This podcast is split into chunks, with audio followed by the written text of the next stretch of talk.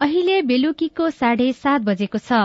सामुदायिक सूचना नेटवर्क सीआईएनबाट अब प्रसारण हुँदैछ साझा खबर।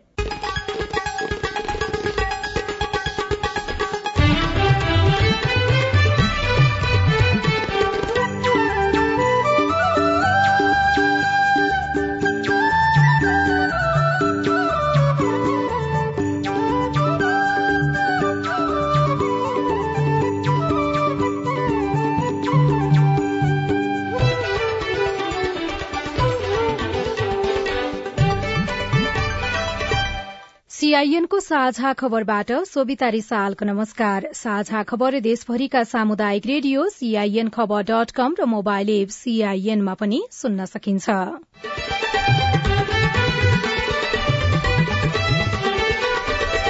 चुनाव नजिकिएसँगै दलहरू गठबन्धनको खोजीमा आपसमा एकताका लागि वाम नेताहरूको कोशिश गठबन्धन नछोड्न बाबुरामलाई प्रचण्डको आग्रह सकेसम्म धेरै सीट जित्ने रणनीति।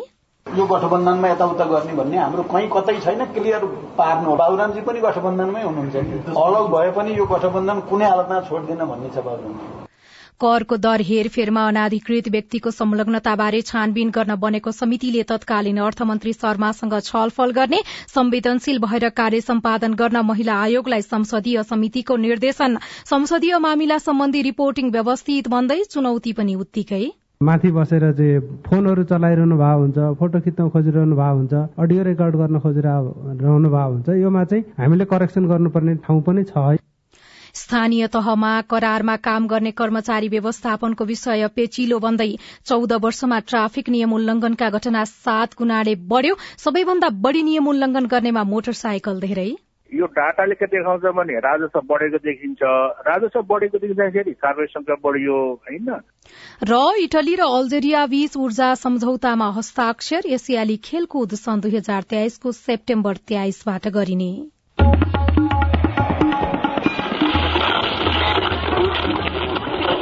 सयौं रेडियो। हजारौं रेडियो कर्मी र करोड़ौं नेपालीको माझमा यो हो सामुदायिक सूचना नेटवर्क सीआईएन विभिन्न चरणमा विभिन्न उमेर समूहलाई खोप लगाएपछि केही मत्थर बनेको कोरोना फेरि बढ़न थालेको छ। पछिल्लो एक साता यता कोरोना संक्रमण दर बढ़िरहेको छ। खोप लगाएपछि मानिसहरू सामान्य शैलीमा फर्किएका कारण स्वास्थ्य सुरक्षाको मापदण्ड पूरा भएन जसले कोरोनाको बढ़ोत्तरीमा सहयोग गर्यो। विज्ञहरूले चौथो लहरको चेतावनी दिइरहँदा स्वास्थ्य सुरक्षाको मापदण्ड पालनामा तपाई हामी आफै पनि सचेत बन्नुपर्छ। राजनीतिक दलहरू आगामी चुनावका लागि गठबन्धन बनाउने गरी आन्तरिक छलफलमा जुटेका छन्। नेपाली कांग्रेसले केन्द्रीय समिति बैठकबाट औपचारिक रूपमा नै सत्ता गठबन्धनका दलहरूसँग गठबन्धन गर्ने निर्णय गरेसँगै अब चुनावी गठबन्धनको छलफल शुरू भएको हो। कांग्रेसले माओवादी केन्द्र एकीकृत समाजवादी तथा जसपासँगै तालमेल गरेर जाने निर्णय गरिसकेको छ। तर अझै पनि कुन मापदण्डमा कसरी तालमेल गर्ने भन्ने बारेमा भने दलहरूबीचमा छलफल शुरू भएको छैन। कांग्रेस माओवादी केन्द्र नेकपा एस जसपा सबैले आ आफ्नो पार्टीभित्र रणनीति बनाउने आन्तरिक छलफल भने शुरू गरिसकेका छन्। आज जसपाका नेता बाबुराम भट्टराईसँगको भेटपछि माओवादी केन्द्रका अध्यक्ष पुष्पकमल दाहाल प्रचण्डले गठबन्धनको सम्बन्धमा पर्सीसम्म टुंगो पुग्ने बताउनु भएको छ। जसपाभित्र फाटो आइरहेको समयमा गठबन्धन छोड्न सक्ने भएका बीच प्रचण्डले भट्टराईलाई गठबन्धनमा नै रहन आग्रह गर्नु भएको छ। भेटपछि पत्रकारहरूसँग संक्षिप्त कुराकानी गर्दै अध्यक्ष प्रचण्डले भट्टराईसँग सामान्य राजनीतिक भेटघाट भएको र गठबन्धन बनाउने विषयमा छलफल भएको बताउनुभयो। कांग्रेसले सही निर्णय गरेछ हाम्रो पनि यही गठबन्धन लिएर जाने भन्ने छ। गठबन्धन बनाउने बारे अरू पार्टीसँग कुरा गरौं। भोलि पर्सिसम्म एउटा टुङ्गो पुग्न सक्यो भने राम्रो यो गठबन्धनमा यताउता गर्ने भन्ने हाम्रो कहीँ कतै छैन क्लियर पार्नु बाबुरामजी पनि गठबन्धनमै हुनुहुन्छ अलग भए पनि यो गठबन्धन कुनै हालतमा छोड्दिन भन्ने छ बाबुरामजी। प्रतिनिधि सभा र प्रदेशसभाको निर्वाचन आगामी मंगिरको पहिलो साता गर्ने गरी निर्वाचन आयोगले तयारी गरिरहेको छ। नेकपा एमाले पनि कुनै न कुनै दलसँग गठबन्धन गर्ने गरी तयारीमा लागेको छ। यद्यपि कसरी र कोसँग गठबन्धन गर्ने भन्नेमा सहमति जुटिसकेको छैन। वाम एकताको विषयमा पनि चर्चा भइरहेको छ। चुनावको मुखमा मात्रै गठबन्धन बनाउने र पार्टी एकताको विषय किन उठ्छ? सीआईएनसँग कुराकानी गर्दै राजनीतिक विश्लेषक पुरञ्जन आचार्यले भन्नुभयो यसको पछाडि कार्यकर्ताहरूको पनि मनोविज्ञान छ असुरक्षाको नेताहरूको पनि मनोविज्ञान छ असुरक्षाको सत्ताको लालसा पनि छ वैचारिक सामिप्यता पनि छ यिनीहरूको बिचमा। त्यसै कारणले गर्दाखेरि चाहिँ यो चुनावको मुखमा चाहिँ धेरै जस्तो समय चाहिँ एकताको बाँसुरी बद्ध छ। चुनाव पछि फेरि यिनीहरू एक ठाउँमा मिल्न सक्ने सम्भावना चाहिँ कम हुन्छ। तर अहिलेलाई चाहिँ के छ भने मिल्न सक्ने सम्भावना चाहिँ प्रशस्तै छ चुनावको मुखमा मात्रै गठबन्धन बनाउने र पार्टी एकताको विषय जुन उठिरहेछ यसले चाहिँ नेपाली राजनीतिमा कस्तो खालको नजिर स्थापित गर्दैछ त? यसले चाहिँ नेपालको कम्युनिस्ट आन्दोलनमा पनि अस्थिरता ल्याएको छ अविश्वास भरेको छ नेपालको राजनीति पनि अस्थिर भएको छ नेपालको अर्थतन्त्र पनि डामाडोल भएको छ। यिनीहरूको नेताहरूको अन्तर्राष्ट्रिय क्रेडिबिलिटी पनि चाहिँ गिर्दो छ। तर पनि मूल उद्देश्य के हो भने सत्तामा पुग्ने त्यसको लागि चाहिँ यो एकताको बाँसुरी चुनाव अगाडि बजाउनु छ।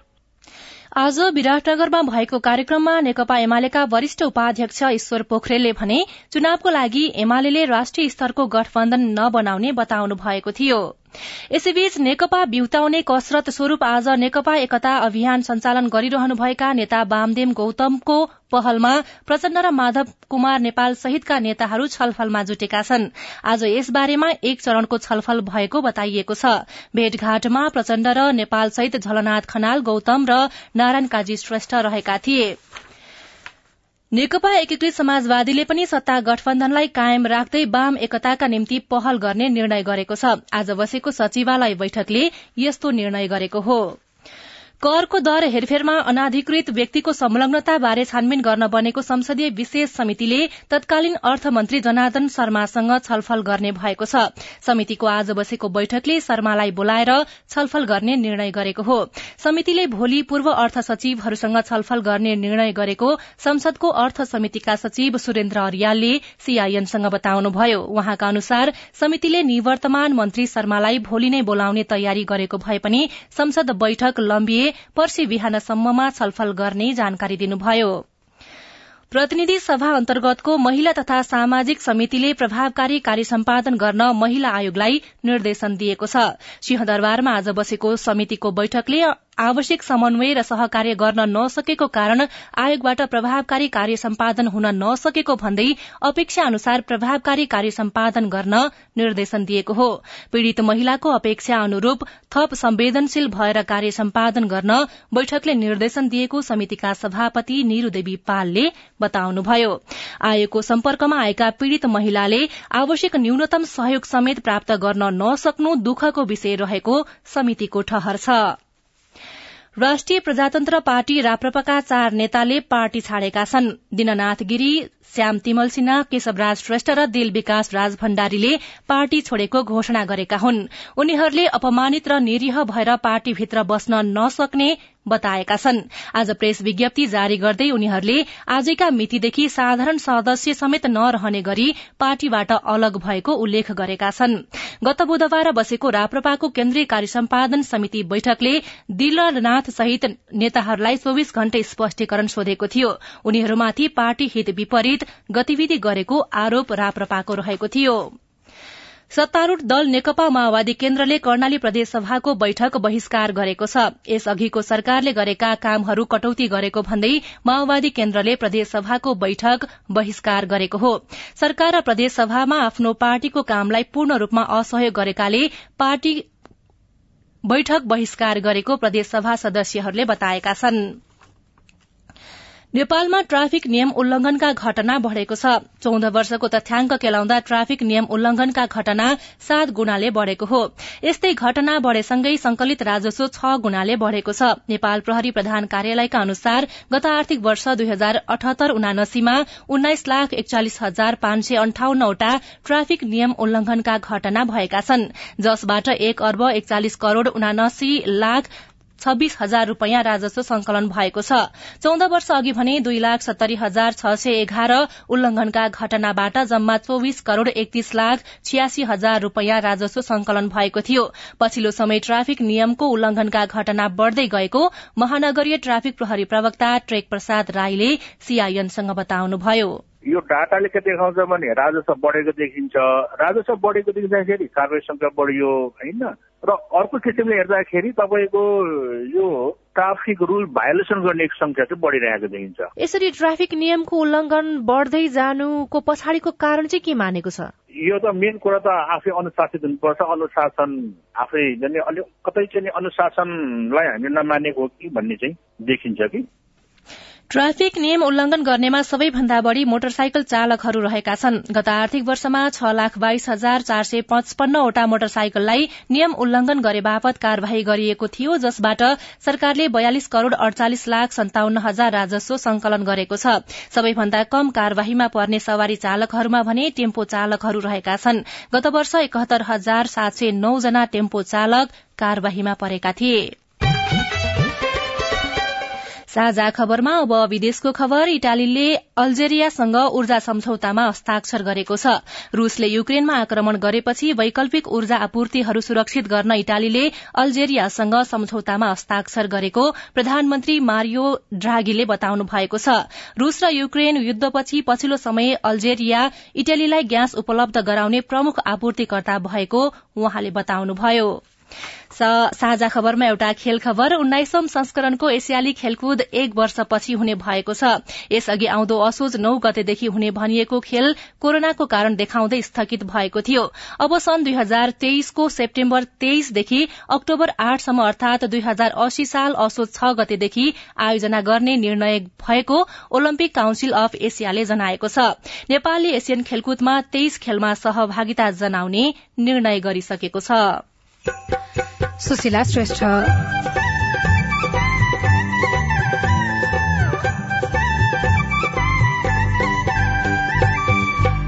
स्थानीय तहमा करारका कर्मचारीको विषय पेचिलो बन्दै पालिका अन्तर्गतका करार कर्मचारीहरूको लागि हामीले कार्यपालिकाको पहिलेको बैठकले असार मसान्तबाट म्यान थप नगर्ने निर्णय लिया हो।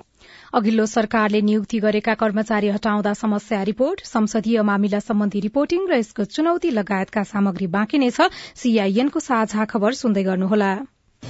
उठाउनु पर्ने आवाजहरू सदनमा उठाउनु भएको छ। तपाईँलाई धन्यवाद दिनुपर्ने हुन्छ। कानून निर्माणमा नागरिक सहभागिता सिद्धान्त र अभ्यास। पारित गरियोस् भन्ने प्रस्ताव दुई तिहाई बहुमत भन्दा बढी मतबाट पारित भएको घोषणा गर्दछु।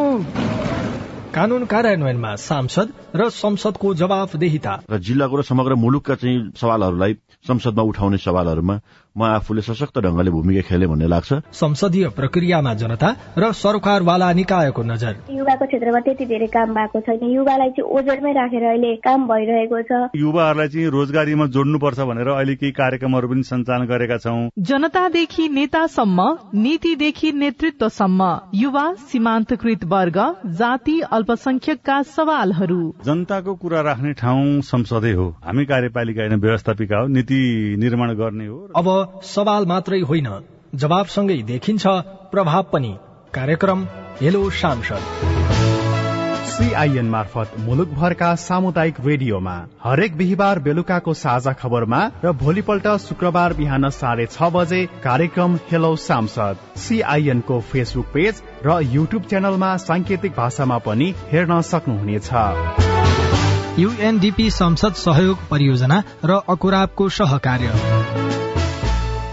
सामाजिक रूपान्तरणका लागि यो हो सामुदायिक सूचना नेटवर्क सीआईएन तपाई सामुदायिक सूचना नेटवर्क सीआईएनले तयार पारेको साझा खबर सुन्दै हुनुहुन्छ। नेपालमा पछिल्लो चौविस घण्टामा थप तीन सय सन्ताउन्न जनामा कोरोनाको संक्रमण देखिएको छ। तीन हजार तीन सय अठाइस जनामा गरिएको नमूना परीक्षणमा आरटीपीसीआर विधिबाट दुई सय अडसठी जनामा र इन्टेजिन एन्टिजेन विधिबाट उनानब्बे जनामा कोरोना पुष्टि भएको हो। यो सँगै कोरोनाको सक्रिय संक्रमितको संख्या एक हजार नौ सय बयासी पुगेको छ। आज बैसठी जना निको भएका छनृ। नेपाल मेडिकल काउन्सिलले जनस्वास्थ्यमा स्नातकोत्तर एमपीएस विषयको पनि नाम दर्ता प्रमाणपत्र लाइसेन्स परीक्षा लिने भएको छ। काउन्सिलले यही साउन सात गते एमपीएसको लाइसेन्सको परीक्षा लिन लागेको हो। काउन्सिलले विशेषज्ञ चिकित्सकहरूका लागि लिने विशेष परीक्षाका क्रममा नै एमपीएसको पनि लाइसेन्सको परीक्षा लिन लागेको जनाएको छ। हुम्लाको नामखा गाउँपालिकाको वडा नम्बर छ लिमीमा एक वर्षपछि खाद्यान्न ढुवानी शुरू भएको छ। खाद्य व्यवस्था तथा व्यापार कम्पनी लिमिटेड शाखा कार्यालयले ढुवानी अनुदानको चामल एक वर्षपछि ढुवानी गर्न थालेको हो। हिउँदमा हिउँ परेपछि आवत जावतमा समस्या हुँदा खाद्यान्न ढुवानी हुन नसकेको लिमीका तीन गाउँका लागि सन्ताउन्न क्विन्टल खाद्यान्न पठाएको खाद्य व्यवस्था तथा व्यापार कम्पनी लिमिटेड शाखाका सुब्बा नवीन प्रसाद आचार्यले जानकारी दिनुभएको रेडियो कर्णाली आवाज सिमकोट हुम्लाले खबर पठाएको छ। पानी नपरेपछि कपिल वस्तुमा धान रोपेका खेत चिराचिरा परेर फुट्न थालेको छ। मल अभावको मार झेल्दै रोपाई गरेका किसानहरू फेरि खडेरी हुँदा चिन्तामा परेका छन्। गत वर्ष यो समयमा अस्सी प्रतिशत रोपाई सकिएको भए पनि यो वर्ष हालसम्म साठी प्रतिशत क्षेत्रफलमा मात्रै रोपाई भएको कृषि ज्ञान केन्द्र कपिल वस्तुले जनाएको छ। कपिल वस्तुमा कुल एकहत्तर हजार पाँच सय हेक्टर क्षेत्रफलमा धान खेती हुँदै आएको छ। रेडियो शिवराज कपिल वस्तुले खबर पठाएको छ। करारमा रहेका कर्मचारीको करार नवीकरण नगर्ने समस्या देशभरि नै देखिएको छ। स्थानीय तहमा अघिल्लो कार्यकालमा निर्वाचित जनप्रतिनिधिले राखेका कर्मचारी नयाँ जनप्रतिनिधिले हटाउन थालेपछि कर्मचारीको असन्तुष्टि देखिएको छ भने कर्मचारी समस्या समाधानको यो विषय पेचिलो बन्दै गएको छ। जातिगण ड्युटी गरी आएँ अफिसमा त्यसम्म हाजिर होइन। हाजिर हाजिर गर्न दिएको छैन अफिसमा पनि अब छिर्न दिएको छैनन्। हुम्लाको अदानचुली गाउँपालिकाका कार्यालय सहयोगी मोतीलाल दानी उहाँले साउन दुई गतेबाट हाजिर गर्न पाउनु भएको छैन। त्यस्तै चङखेल्नी सर्केगाड अदानचुली गाउँपालिकाका करार कर्मचारीलाई पनि नयाँ आर्थिक वर्ष शुरू भएको दोस्रो दिनदेखि कार्यालयमा हाजिर गर्न दिएको छैन। गत वैशाख तीस गते भएको निर्वाचनबाट स्थानीय जनप्रतिनिधिहरूको असार तीन गते बसेको गाउँ कार्यपालिकाको बैठकको निर्णय अनुसार अदानचुरीले करारमा रहेका कर्मचारीलाई हाजिर गर्न नदिएको हो। गाउँपालिकाका उपाध्यक्ष कर्ण रोकाया पालिका अन्तर्गतका करार कर्मचारीहरूको लागि हामीले कार्यपालिकाको पहिलेको बैठकले असार मसान्तबाट म्यान थप नगर्ने निर्णय लिया हो। अनि जिल्लाको प्रदेश संघबाट आएकाको लागि प्रक्रिया के हो बुझेर मात्र निर्णय लिने भन्ने हामीले सोच बनाएका छौँ। अदानचुलीका नब्बे कर्मचारी मध्ये सबैको करार सेवा नवीकरण भएको छैन। त्यस्तै चौखेल्नी गाउँपालिकाले पनि पाँच वर्षदेखि काम गर्दै आएका झण्डै पचास जना कर्मचारीलाई हाजिर गर्नबाट रोक लगाएको छ। गाउँपालिकाले दुई हजार पचहत्तर सालमा पारित गरेको करार सम्झौता कार्यविधि र लोकसेवामा कर्मचारी माग गरेको हवाला दिँदै पालिकाले हाजिर गर्नबाट रोक लगाएको हो। गाउँपालिकाका निमित्त प्रमुख प्रशासकीय अधिकृत विष्णु बहादुर साई करारको लागि हामी चाहिँ एउटा कार्यविधि पास गरिरहेको छौँ दुई हजार पचहत्तरमा होइन अनि यही मङ्सिरसम्म फेरि हामी चाहिँ लोकसेवा पनि माग गरिसकेका छौँ लोकसेवा श्रोता उनीहरू चाहिँ जानेवार उनीहरूको चाहिँ नगरिएको हुम्लाका सातवटा स्थानीय तहमा लगभग पाँच सय बढी करारका कर्मचारी रहेका छन् करारका कर्मचारीले काम गर्न नपाएसँगै स्थानीय तहको सेवा प्रवाहमा नै असर परेको छ करारका कर्मचारीको सेवा अवधि थप्ने नथप्ने विषयलाई लिएर राजनीतिक दलहरू बीचमा नै विवाद देखिन थालेको छ राजनीतिक पूर्वाग्रह साँधेर आफूभन्दा फरक दलका जनप्रतिनिधिले राखेका कर्मचारी निकालेको भन्दै एमाले असन्तुष्टि जनाएको छ। नेकपा एमाले अदानचुली गाउँपालिकाका अध्यक्ष बुध भण्डारी। नियमित रूपमा काम गरिरहेका कर्मचारीमाथि म्याद नथप्ने र भित्रभित्र आफ्ना नाता गोता र कार्यकर्ता भर्ती केन्द्र गर्नको निम्ति नौटङ्गी रचेका छ। नेकपा एमाले यसको घोर भर्सना गर्दै यसको विरोध गर्ने तयारीमा लागेको छ। जनप्रतिनिधिले बहुमतका आधारमा आफ्नो दलभन्दा फरक दलमा आस्था राख्ने कर्मचारीलाई हटाइरहेका छन्। जसका कारण स्थानीय तहमा काम गर्दै आएका कर्मचारी काम विहीन भएका मात्रै छैनन्। यसले स्थानीय स्तरसम्मका राजनीतिक विवाद बढाउने देखिएको छ। निजामती कर्मचारी पर्याप्त नभएका कारण पनि स्थानीय तहमा करारमा कर्मचारी राख्नको विकल्प छैन। तर करार कर्मचारीका विषयमा बारम्बार प्रश्न भने उठिरहने गरेको छ। Navraj Mahatara CIN radio Karnali Awaj Simkot Humla. साझा खबरमा अब हेलो माङबाट सिन्ता गाउँपालिका वडा नम्बर आठ डाँडाखालीबाट म अनिल विष्ट बोल्दैछु। दुई हजार अठहत्तर सालमा इसिडीका शिक्षिका र विद्यालय कर्मचारीलाई छ महिनासम्म स्थानीय सरकारले दिनुपर्ने सात हजार तलब दिएको बाँकी छ महिना उक्त रकम नदिएको बारम्बार कल गरेर सोद्धा आलटाल गरेको हाल रकम छैन दिन सकिँदैन भनेको हुँदा स्पष्ट पारिदिन न अनुरोध गर्दछु। अनिलजी यस विषयमा हामीले सिमता गाउँपालिकाका अध्यक्ष ऐन बहादुर चन्दलाई सोधेका छौं। विद्यालय कर्मचारी त्यो बाल शिक्षकका शिक्षिकाहरूको तलब चाहिँ सात हजार दिनुपर्ने कुरा हो हामीले अस्ति पठाइसक्यो। अबदेखि यस्तो खालको समस्या आउँछ कि आउँदैन? आर्थिक म्यानेजमेन्ट गर्ने कुरामा होला तर अब चाहिँ त्यो कुरा चाहिँ नआउन दिनको निमित्त त अहिलेसम्म नभइरहेको व्यवस्थालाई चाहिँ हामीले व्यवस्था गरेर उहाँहरूलाई हामीले यो वर्षको चाहिँ नि तलब चाहिँ व्यवस्थापन गरेर उहाँहरूको खातामा चाहिँ पठाइसक्यो विद्यालय खातामा। नमस्कार म दाङ तुलसीपुरदेखि रोशन ओली। अहिले मलेसियामा वैदेशिक रोजगारको लागि मेन पावरहरूले आफ्नो मन मर्जीले ढाई लाख तिन लाख रुपियाँ लिने गरेका छन्। म पनि वैदेशिक रोजगारमा जानको लागि काठमाडौँ गएको थिएँ तर मैले त्यत्रो पैसा उपलब्ध गराउन नसकेर म फर्केर आएँ। यो चाहिँ सरकारको नियम हो कि सरकारले लगाएको त्यो मापदण्ड हो कि? तपाईँको गुनासो सुनिसकेपछि वैदेशिक रोजगार विभाग अन्तर्गत वैदेशिक रोजगार काठमाडौँ कार्यालयका सूचना अधिकारी हरिराम नागिलाको अनुरोध छ। कामदार लैजान चाहिँ फ्री भिसा फ्री टिकट नै हो। यो निशुल्क छ। कुनै पनि म्यान पावर व्यवसायले तपाईँहरूसँग पैसा माग्छ गैर कानुनी हो। त्यसरी लिन पाइँदैन। सरकारले चाहिँ मलेसिया जाने कामदारको लागि निशुल्क प्रबन्ध गरेको छ। एक रुपियाँ पनि लाग्दैन। यदि कुनै म्यान पावर व्यवसायले तपाईँहरूसँग पैसा माग्छ भने तपाईँहरूले चाहिँ त्यसको उजुरी चाहिँ वैदेशिक रोजगार विभाग बुद्धनगरमा दिन सक्नुहुनेछ। नमस्ते मेरो नाम सुनिल बुढा हो। हाल म भेर नगरपालिकामा हेल्थ एसिस्टेन्ट पदमा कार्यरत छु। सेवा परिवर्तन गर्दा अथवा जस्तो म स्वास्थ्य सेवामा छु भने प्रशासनतिर मेरो नाम निकालेर म गएँ भने मैले चाहिँ स्वास्थ्य सेवामा गरेको कामको समय अथवा कार्य अवधि जोडिन्छ कि जोडिँदैन। दस भन्दा अगाडि सेवा सुरु थियो र चाहिँ मैले पेन्सन चाहिँ सेवा परिवर्तन गरेँ भने पाउँछु कि पाउँदिन भन्ने जिज्ञासा थियो। तपाईँको जिज्ञासा हामीले राष्ट्रिय किताबखाना निजामतीका सूचना अधिकारी प्रकाश जङ कार्कीलाई सुनाएका छौं। सामान्यतया चाहिँ अब तल्लो तहमा गरेको सेवा माथिल्लो तहमा जोडिन्छ। उहाँको स्थायी अस्थायी त्यो प्रकृति हेरेर हुन्छ एकै किसिमको हुँदैन होइन? एउटा ज्येष्ठता प्रयोजनका लागि जोडिन्छ एउटा चाहिँ निवृत्ति भरण प्रयोजनका लागि जोडिन्छ उहाँको के माग हो आवश्यक कागजात डकुमेन्ट राखेर उहाँले निवेदन दिएपछि अनि निर्णय हुन्छ। तपाई जुनसुकै बेला हाम्रो आइभीआर नम्बर शून्य एक बान्न साठी छ चार छमा फोन गरेर आफ्नो प्रश्न जिज्ञासा गुनासा तथा प्रतिक्रिया रेकर्ड गर्न सक्नुहुन्छ। तपाई सामुदायिक सूचना नेटवर्क सीआईएनले काठमाण्डुमा तयार पारेको साझा खबर सुन्दै हुनुहुन्छ। संसदीय मामिलाको रिपोर्टिङ अभ्यास र चुनौती। के ग्याप हुन्छ भने समयमै सूचना पाइएन भने गलत समाचार बन्न सक्छ। रेगुलर त्यहाँ संसदमा गइराख्नेहरूलाई चाहिँ त्यतिसम्म व्यवहार नगरे हुन्थ्यो कि भन्ने लाग्छ। संसद सांसद र पत्रकार बीचको सम्बन्ध रिपोर्ट संसदीय रिपोर्टिङलाई थप प्रभावकारी बनाउन सचिवालयको सहयोग लगायतका विशेष सामग्री बाँकी नै छ। सीआईएनको साझा खबर सुन्दै गर्नुहोला। हे कोरोनाको नयाँ नयाँ प्रजातिको डर। हात धोए मास्क लाए जान्छ पर पर। एक अर्काको दूरी पनि परै भएको जाति। गीतमा भने झै कोरोना संक्रमण दर घटे पनि जोखिम भने कायमै छ। अझै पनि नयाँ नयाँ प्रजातिका भाइरसहरू आउन सक्छन्। खोप्लाएसी कोरोनालाई जितिन्छ रे साथी। कोरोना विरुद्धको सबै मात्रा खोप अनिवार्य लगाउनु पर्दछ। कसैको खोप छुटेको छ भने वडा कार्यालय वा नजिकको स्वास्थ्य केन्द्रमा सम्पर्क राख्नु पर्दछ। एक अर्का बीचको दूरी कायम गर्ने मास्क लगाउने र साबुन पानीले मिची मिची हात धुने कार्यलाई सधैँ कायम गर्न सकेमा कोरोना मात्रै होइन। अन्य धेरै रोगहरूबाट बच्न सकिन्छ। जीवन शैलीको भरमा बाँच्छौँ हामी कोरोनाका।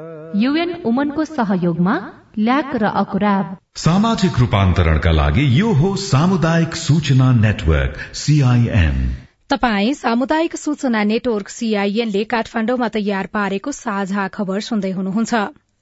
दुई हजार पन्ध्र सालमा संसद स्थापना भएसँगै संसदीय मामिला सम्बन्धी समाचार लेखन र रिपोर्टिङको क्रम पनि शुरू भयो। संसद सञ्चालनको चौसठी वर्ष इतिहास भए पनि संसदीय मामिलाका बारेमा लेखिने समाचार र रिपोर्टिङ भने भर्खर भर्खर व्यावसायिक हुने क्रममा रहेको छ।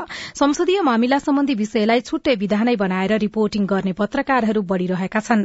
तर रिपोर्टिङको क्रममा चुनौतीहरू पनि प्रशस्तै भएको पत्रकारहरूको गुनासो छ। संघीय संसद सचिवालयले भने पत्रकारहरूलाई सहज रूपमा सूचना उपलब्ध गराउन सहकार्य गर्ने प्रतिबद्धता जनाएको छ। पत्रकार रघुनाथ बजगाई संसदीय मामिला सम्बन्धमा रिपोर्टिङ गर्नुहुन्छ। संसदमा उठ्ने विषय जति जटिल छ त्यस विषयमा लेखिने समाचारले पार्ने प्रभाव पनि बलियो हुन्छ। तर संसद सचिवालय सांसद र सरकारवालाले समयमा सूचना उपलब्ध नगराउँदा गलत समाचारले प्रशय पाएको अनुभव पनि उहाँसँग छ। खास सकारात्मक समाचार लेख्ने ठाउँ चाहिँ संसद रहेछ कि? तर यसमा के ग्याप हुन्छ भने समयमै सूचना पाइएन भने गलत समाचार बन्न सक्छ। सरकारको निगरानी र खबरदारी गर्ने नीति निर्माणको थलो भएकाले पनि संसदीय रिपोर्टिङ महत्वपूर्ण मानिन्छ। उच्च पदस्थ र विशिष्ट व्यक्तिहरूको आउजाउ चलिरहने भएकाले पनि संसदमा सुरक्षाको विषय प्राथमिकतामा पर्छ। तर मर्यादा पालकहरूको रोकतोकले कहिलेकाहीँ रिपोर्टिङमा नै असहजता ल्याउने पत्रकार सविता शर्माको भनाइ छ। रेगुलर त्यहाँ संसदमा गइराख्नेहरूलाई चाहिँ त्यति समय व्यवहार नगरे हुन्थ्यो कि भन्ने लाग्छ। अन्तर्राष्ट्रिय अभ्यास हेर्दा अन्य विधामा कम्तीमा पाँचदेखि दस वर्षसम्म रिपोर्टिङ गरेका पत्रकारले संसदको बारेमा रिपोर्टिङ गर्ने गरेको पाइन्छ। संसदीय मामिला सम्बन्धमा लामो समयदेखि लेख्दै आउनुभएका पत्रकार बबिन शर्मा यसबारेमा रिपोर्टिङ गर्ने पत्रकार आफै पनि अध्ययनशील बन्नुपर्ने तथा संसदका प्रक्रियाहरूका बारेमा जानकारी राख्नुपर्ने सुझाव दिनुहुन्छ।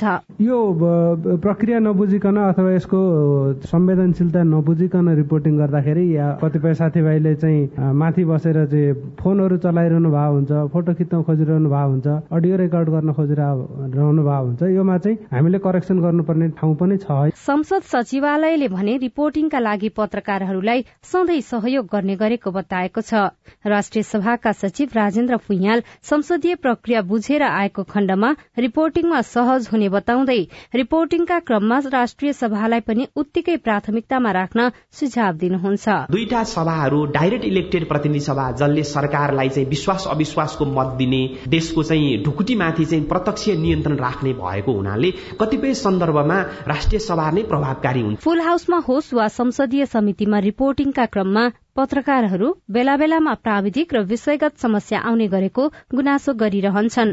तर संघीय संसद सचिवालयका प्रवक्ता डाक्टर रोजनाथ पाण्डे समाचार सम्प्रेषणका लागि संसद भवनमा पत्रकारलाई दिइने प्रवेशदेखि दिइने सूचना संकलनसम्ममा कहीँ पनि दायरा नतोकिएको दावी गर्नुहुन्छ। विश्लेषणात्मक न्युजहरू एकदमै कम आउँछन्। हामी खालि सूचना संकलन गरेर दिने मात्रै होइन नि। सूचनालाई विश्लेषण गरेर प्रस्तुत गर्नु पर्यो नि। त्यसका विविध पक्षहरू केलाउने कामहरू हुन सकेका छैन। हतार हतारमा न्युजहरू ब्रेक गर्नुहुन्छ तर त्यहाँ दुई लाइन लेखिएको हुन्छ। हाल महाअभियोग समिति सहित प्रतिनिधि सभा अन्तर्गत दश र राष्ट्रिय सभा अन्तर्गत चार तथा दुवै सदनको दुई संयुक्त समिति रहेका छन् जहाँका गतिविधि बारेमा हुने रिपोर्टिङ पहिलेको भन्दा सहज भए पनि कहिलेकाहीँ अप्ठ्यारो झेल्नु परेको पत्रकारहरूको गुनासो छ। सजना तिमल सीआईएन संसदीय अभ्यासमा र कानून निर्माणको प्रक्रियामा संसदीय रिपोर्टिङलाई थप प्रभावकारी बनाउन पत्रकारहरूसँगको समन्वय र सहकार्य कस्तो छ? संघीय संसद सचिवालयका महासचिव डाक्टर भरत शर्मा गौतमसँग हामीले कुराकानी गरेका छौं। कुनै पनि विधेयकहरूले सत्र अठारवटा चाहिँ स्टेप्सहरू त्यहाँ पार गर्नुपर्छ र त्यस्तै बाह्र पन्ध्रवटा स्टेप्सहरू राष्ट्रिय सभामा दुवै सभाबाट गरिसकेपछि मात्रै त्यो विधेयक कम्प्लिट हुन्छ। कानून नागरिकको लागि जनताको लागि होइन? तर संचार माध्यमले पनि प्रक्रियामा कहीँ न कहीँ सहभागिता अथवा सजिलो बनाउन सक्छन् कि सक्दैन? सकिन्छ। संसदको कुनै पनि कानून निर्माण प्रक्रिया सबैको लागि खुला हुन्छ र जर्नालिस्टको लागि त झनै खुला हुने भइहाल्ने भयो। र विधेयक छलफल सम्बन्धी समितिको कुनै पनि बैठकहरू गोप्य हुँदैन। अहिलेसम्मको अभ्यासमा त्यो कुनै पनि विधेयकमा संचार माध्यम मार्फत आएका प्रतिक्रियाहरूलाई पनि समावेश गरेर अगाडि बढिएको त्यस्तो सकारात्मक अभ्यासहरू छन् कि छैन? अवश्य धेरै छन् किनभने मिडियाको कुरा सुनेर नै विधेयकहरू समृद्ध गरिन्छ मिडिया मिडिया सम्बन्धी विषयमा। संविधानले वाक स्वतन्त्रता जुन स्वतन्त्रता मौलिक चाहिनेहरू त्यहाँ त्यसमा संकुचन हुने कुराहरू विधेयकमा भएको र त्यो कुरा मिडियाले हाइलाइट गरेका छ भने त्यसलाई चाहिँ नि कन्सिडर गरिएको छ कुनै कानून बनाउँदाखेरि यति प्रतिशत जति अथवा यति जति केही सुझावहरू चाहिँ संचार माध्यमको पनि समावेश गर्ने भन्ने ढङ्गबाट त्यही प्रकारको सहकार्य संसद सचिवालयले गरिराखेको अथवा गर्ने बारेमा केही सोचेको छ कि छैन? यसको एउटा माध्यम छ। जस्तै कुनै पनि विधेयकमा चाहिँ नि संशोधन राख्ने भनेको मान्यजीहरूले मात्रै राख्न सक्छ अब मिडियाको साथीहरूले के गर्नु पर्यो भने सुझावहरू त्यो विधेयकमा छ भने यहाँले पहिलो त्यो सुझावहरू सम्बन्धी मान्यजीहरूलाई दिनु पर्यो। दिएपछि उहाँहरूले चाहिने एउटा संसद सचिवालयको एउटा फर्म्याट छ। त्यो फर्म्याटमा साइन गरेर औपचारिक रूपमा सुझाव दिन सक्ने राइट छैन एमपीलाई छ। तर एमपीलाई कुरा पुऱ्याउने त फेरि मिडियाले गर्नु पर्यो नि। तर छलफलको विषय बन्न सक्छ। एमसिसीमै त्यस्तै भएको छ नि। कानून निर्माण विधेयक निर्माण छलफलको सन्दर्भमा यो कुरा अझ थप्नुपर्ने कुरा चाहिँ के हो सञ्चार माध्यमले? अब अवश्य थप्नुपर्ने कुराहरू छन्। चौथो अङ्ग माने पनि वास्तवमा संसदको हिसाबले म महासचिव नाताले के भन्छु भने मिडिया हाम्रो दोस्रो अङ्ग हो। संसद हो अनि मिडिया हो। सरकार त ल्याउने नै भइहाल्यो। न्यायपालिका व्याख्या गर्ने भएको हुनाले फरक छ संचार जगतलाई दोस्रो अङ्गकै रूपमा मानेको छौँ। अब हामीले चाहिँ संसदीय गतिविधि मिडिया मार्फतै जनतासम्म जाने जो चाहिँ सिआइएलले अथवा अरू संस्था हाम्रो लागि सरकारी मिडिया प्रिय भएको नजिक राखेको र चाहिँ अरू प्राइभेट मिडियाहरू टाढा भएको भन्ने हुँदै हुँदैन। सभामुखको तहबाट पनि अब संसदलाई खुला संसदको अवधारणामा कसरी जाने भन्ने बारेमा छलफल चलिरहेको छ भन्ने सुनिन्छ। अब चाहिँ के हुन्छ महासचिवज्यू? परिवर्तन के देखिन्छ? देखिन्छ। हाम्रो सबै हाम्रो संसद र संसदीय समितिहरू ओपन छन्। कहिलेकाहीँ समितिमा कुनै विषय एकदमै धेरै सेन्सिटिभ छ भने बाहेक नाइन्टी फाइभ पर्सेन्ट चाहिँ नि ओपन छ। पार्लियामेन्ट त सधैँ हन्ड्रेड पर्सेन्ट ओपन छ। कुरा भयो व्यवहारमा कहिले काहीँ त्यो अवरोध देखेको त्यो पनि अभ्यासमा छ अवरोध भनेको केही मिडियाका साथीहरू त्यो चाहिँ नि सेक्युरिटीको केही चेकअप बनाउनु सेक्युरिटीको प्रोसेस पुर्याएर संसदको ग्यालरीसम्म ग्यालरी नै यहाँलाई डेडिकेटेड छ। ग्यालरीसम्म पुग्नलाई तर केही सेक्युरिटी सेन्सिटिभिटी पनि हामीले बुझ्नुपर्छ। समाचार सङ्कलन र सम्प्रेषण गर्न पाउने उस हकमा चाहिँ नि संकुचन गर्ने सचिवालयको कुनै नीति छैन। चुनाव नजिकिएसँगै दलहरू गठबन्धनको खोजीमा लागेका छन्। आपसमा मिल्न कोशिश गर्ने वाम नेताहरूले बताएका छन् गठबन्धन नछोड्न बाबुराम भट्टराईलाई प्रचण्डले आग्रह गर्नुभएको छ। करको दर हेरफेरमा अनाधिकृत व्यक्तिको संलग्नताबारे छानबिन गर्न बनेको समितिले तत्कालीन अर्थमन्त्री शर्मासँग छलफल गर्ने भएको छ। संवेदनशील भएर कार्य सम्पादन गर्न महिला आयोगलाई संसदीय समितिले निर्देशन दिएको छ। स्थानीय तहमा करारमा काम गर्ने कर्मचारी व्यवस्थापनको विषय चुनौतीपूर्ण बन्दै गएको छ र इटाली र अल्जेरिया बीचमा ऊर्जा सम्झौतामा हस्ताक्षर भएको छ।